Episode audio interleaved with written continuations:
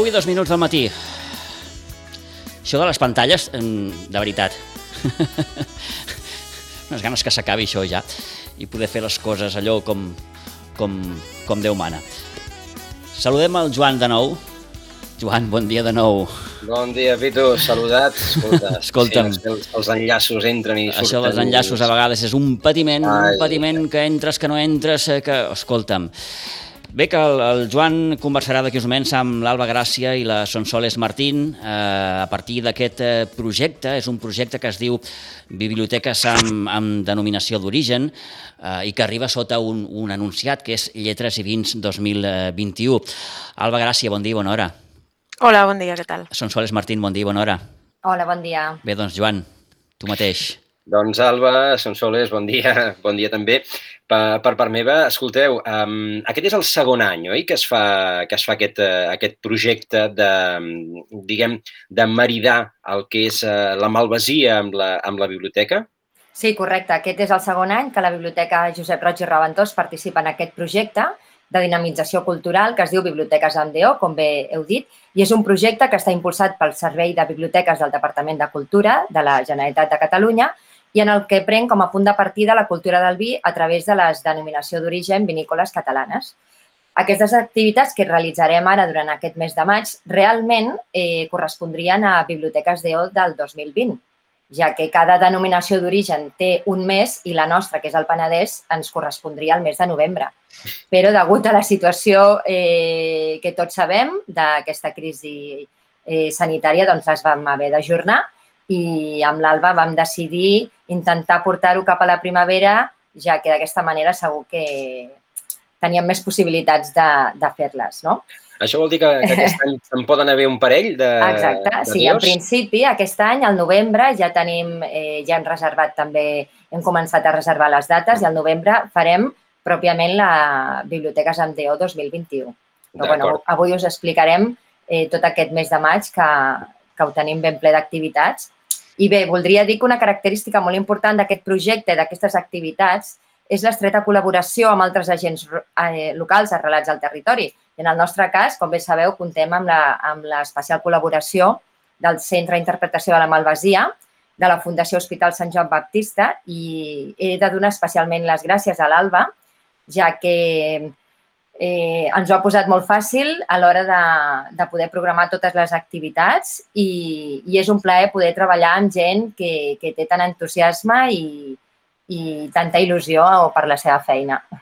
Doncs, eh, Alba, mm, abans de, de, de repassar les, les activitats que, que van incorporades en aquest eh, programa de Biblioteques en DO, mm, l'altre dia, la, fa un parell de setmanes, eh, eh, es commemorava el segon aniversari del, del Centre d'Interpretació de, la, de la Malvasia i, i veure, el, el calendari de propostes, eh, no diré que és inabastable, però és, però, però, però és, és, és força important, eh, eh més, en, més enllà d'aquestes concretes, oi?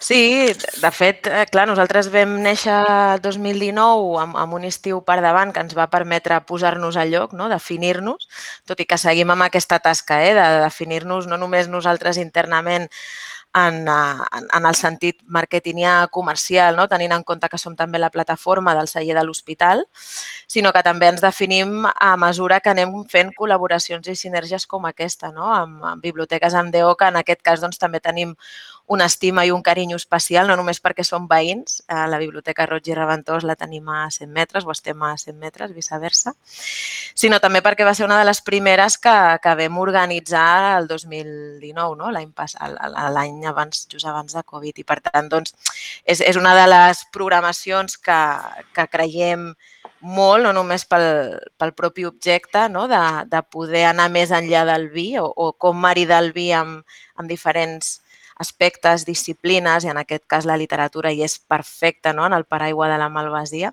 sinó també, doncs, com deia la Sonsoles, i ho compartim i, i ens sumem, que és aquest, aquest paraigua de sinergies i de, de que les entitats i les associacions i, i institucions del territori hem de sumar, no? hem de teixir aquest, aquesta tela doncs, per poder tirar endavant la cultura. Um, el fet de, anava a dir, de ser, de ser veïns fa que, fa que tot uh, sigui més fàcil, fa que tot es, es condueixi d'una manera doncs, més, uh, més lliure i més estable? bueno, sí que és veritat que tenim unes coordenades no? molt, molt poble semblants. Sec. Poble exacte, sec. que som el, el bastió del Poble Sec, un dels mm, barris, m'atreviria a dir, actualment amb més mm, exemples de convivència veïnal, no? Avui dia aquí al Poble Sec encara pots veure portes obertes al vespre dels, de l'estiu i els veïns patant la xerrada. No? Això al centre del poble doncs, ja no, ja, malauradament ja no ho veiem. I la Biblioteca Roig i Reventós ja fa molts anys, no? són soles, no, no recordo l'any que veu obrir, però ja fa molts anys que precisament pivota tota aquesta programació cultural no? aquí de Sí. del Poble Sec. Nosaltres Sí. som els últims en arribar, però ells ja porten anys. Són soles. Sí, sí, doncs si voleu fem una miqueta de repàs de les activitats que, que farem durant aquest, aquest mes. D'acord. Eh, començarem els dos primers divendres, el dia 7 i el dia 14, amb Hores del Conte. Eh, la primera serà eh, amb la Montse Panero i es diu La, la Barema i comentar que les places estan gairebé exaurides per aquest divendres, o sigui que qui vulgui eh, es podrà inscriure. Totes les activitats, ara ho comentarem i, i direm on es poden inscriure, s'han de fer sempre amb inscripció prèvia. Eh, el següent divendres, el dia 14, eh, també a dos quarts de sis de la tarda, eh, farem el conte La Guineu i el Raïm amb l'Anna Garcia. Continuarem el dissabte, dia 15 de maig, a dos quarts d'una, amb el David Vila, que és escriptor i ens vindrà a fer una activitat que es diu De vins i mots. Aquesta us la recomanem eh, molt especialment. El David Vila ha vingut diverses, en diverses ocasions a, a la biblioteca i, i ja veureu que, que serà molt, molt divertida i molt, i molt maca. Continuarem la setmana següent, dijous dia 20 a les 7 de la tarda, amb una activitat eh, que porta per títol A les dones ens agrada més suau, vi entre amigues, i es farà a càrrec de l'actriu Gemma Sant Germán. Aquesta serà una tertúlia també molt interessant en la que es parlarà del vi, de literatura, d'erotisme i de música des d'una mirada femenina i, i feminista. El, el, anava a dir, el, el, el títol té un punt de provocador, eh? Sí, sí, sí, correcte. Sí, sí, sí. Eh, continuarem eh, divendres següent, ah no, perdó, el, el divendres després de l'activitat de, de les dones, el dia 21, també a les 7 de la tarda, amb el David Puertas, que el David Puertas també va venir a la primera edició, Oi, Alba, i va ser un, Sí. un èxit. Va, també ens va parlar de, de l'òpera eh, i el vi, no? la, la, la col·laboració que, que tenen, que fan, i la veritat que va ser, a mi especialment em va agradar moltíssim aquesta, aquesta conferència, o sigui que també us animo a, a participar i a venir. Eh, la següent setmana eh, continuarem amb el Club de Lectura Racó de la Calma, que és un, un clàssic també a les activitats de les biblioteques. Estarà moderat per, Helen, per Helena Cejas i es comentarà La força d'un destí de Martí Gironell. I la següent activitat eh, prefereixo que la comenti l'Alba, que és Malvasia Power, que és un cicle de 12 tastos de vins de Malvasia de Sitges que es farà el cap de setmana del 29 i 30. I Alba, si l'expliques... Mm. Sí, el, el Malvasia Power ja, ja està en marxa des del mes de gener, és sempre l'últim cap de setmana al mes i estem tenint molt bona resposta, no només pel públic, que, que cada vegada fem sold out, fem plènols dos dies, tant dissabte com diumenge, sinó dels propis cellers. No? La iniciativa que, des de, que hem pres des del CIM i des de l'Escola d'Hostaleria d'aquí de Sitges és eh, doncs, donar veu i plataforma i altaveu no? a totes les malvasies que hi ha en el territori, perquè el CIM, com eh, des de la Fundació i des del CIM, des de la Fundació a l'Hospital, no ens cansarem mai de dir que el CIM vol actuar com una, com un altaveu no? de la pròpia varietat més enllà de les malvasies de l'hospital, que actuen com a bressol, com ja sabeu, no? la última parcel·la del llegat Llopis, però que a dia d'avui, a 2021, hem de treballar per totes les malvasies i, per tant, el cicle Malvasia Power va cap a, va cap a aquest objectiu. I aleshores amb la Son Soles vam estar parlant que és una activitat molt atractiva que també té lloc aquí al pati del CIM i que estaria bé doncs, posar-ho dins del paraigües de Biblioteques amb DO. Perquè cada mes no només fem un tipus de vinificació de Malvasia de Sitges, sinó que també fem un, un, un relat, un fil conductor de relats històrics i, i de missatges a explicar o històries amagades de la Malvasia, no? que és amb què ho maridem al, al tast. I, per tant, aquest mes de maig, que precisament són els vins dolços, l'origen de tot, eh, ho maridarem amb històries i amb relats i amb literatura i amb com la Malvasia té aquesta aureola mitològica i literària no? des d'època de, de medieval. I creiem que era una, una, bona, una bona manera de tancar biblioteques amb Déu. Uh -huh. És a dir, aquesta és la, la última de les, de les propostes que, que, que hi ha en, en aquesta, diguem, eh, sessió de primavera de, Exacte. Eh, excepcional d'aquest biblioteques amb, uh, amb Déu. Uh, heu sí. recuperat, uh, pel, que, pel que he escoltat a partir del que comentava la, la Sonsoles, uh, heu recuperat uh, algunes de les activitats que ja es van fer el, el 2019, oi? Uh, actualitzades? Eh, Sí, però no són la mateixa. És la uh -huh. mateixa persona amb el mateix format, però és una altra, una altra xerrada, conferència diferent. Sí, sí. Uh -huh. um, anava a dir, fun, uh, funcionen aquestes, uh, aquestes sinergies, aquesta, um, aquests, um, aquestes col·laboracions entre, entre la biblioteca i, i, i un centre uh, exterior, com, com en aquest cas és el, és el CIM, doncs per fer, per fer activitats i per anar més enllà de la, de la proposta habitual que es fa, que es fa dintre de la biblioteca? Sí, home, jo, jo estic molt contenta amb aquesta col·laboració i sobretot eh, també tenir l'oportunitat eh, amb la situació actual que estem de poder fer totes les activitats al pati del CIM, que, que és espectacular i, i, i estem molt contents de, de poder fer-ho. Uh -huh. És a dir, totes les activitats a les que heu sí. fet referència es fan al pati del CIM, sí. no es fan a la biblioteca, no, tot i que no, són no, no. activitats d'un cicle de la biblioteca, es fan al pati del CIM. Totes es fan al CIM, Uh -huh. eh, a més, eh, totes són amb inscripció prèvia. Hem de, hem de mantenir totes sí, les, les mesures... Sí, expliquem-ho això. Expliquem, sí. Eh, expliquem exactament com la gent es pot inscriure, la gent sí. que ens està escoltant, per poder participar en aquestes activitats. Doncs es pot inscriure a través de, de diverses formes. Si entreu al nostre blog de la biblioteca ja podeu trobar tota la informació. El recordo és bibliotecajoseprogiraventós.wordpress.com i allà podeu trobar tota la informació i directament eh, que podeu clicar a través de, de l'enllaç per poder fer la inscripció directa. I si no ho feu a través del, del web, ens podeu trucar al telèfon 93 894 8486 podeu anar directament a la biblioteca i nosaltres us fem la inscripció o a través del correu electrònic, que és b.sitges.jrr.diva.cat. I nosaltres us fem la inscripció anava a dir, les activitats, deuen haver activitats gratuïtes i altres que sí que tenen un cost, oi? Eh, totes les activitats, eh, bé, mm, sí, gairebé totes són gratuïtes, menys uh -huh. aquesta última que, que ha explicat l'Alba del, del tas de Malvasies. Aquesta és l'única que, és, que té un cost. La resta totes són gratuïtes. Uh -huh. Ha de tenir un cost perquè, perquè es consumeix producte, Alba. Sí, bueno, no, i a la, a la resta d'activitats, amb el Puertas, amb l'altre David, també consumim, eh? Malvasia uh -huh. i, i, bueno, i, i també el que passa que doncs, eh, Roig i Reventós va trobar convenient no? de, doncs, que podíem oferir gratuïtament a les primeres activitats el tast uh -huh. i després a l'última doncs, mantenir el preu igual que hi ha a la resta de, de tastos del cicle per mantenir una, una coherència.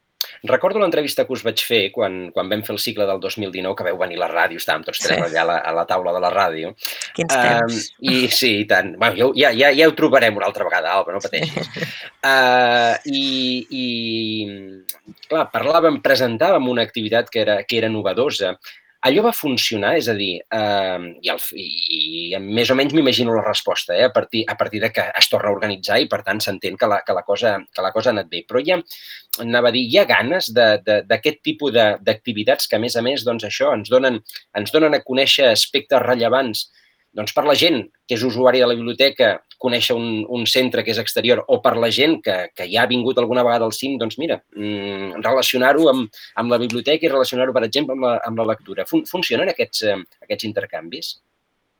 Jo penso que sí. A més, la Biblioteca Josep Roig i Reventós no es va afegir a les primeres edicions. Això ja fa més anys que, que el projecte d'animació d'origen de la Generalitat uh -huh. ja, ja funciona.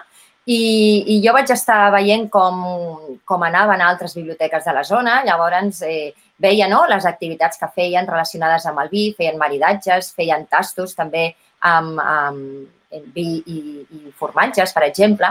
I llavors a mi em va semblar que, que és una proposta eh, diferent al que oferim a la biblioteca habitualment o també al que la gent es pensa no? que, que és el clàssic de la biblioteca i, i penso que, que per donar-nos a conèixer i, i veure què fem molt més enllà és una proposta molt, molt maca.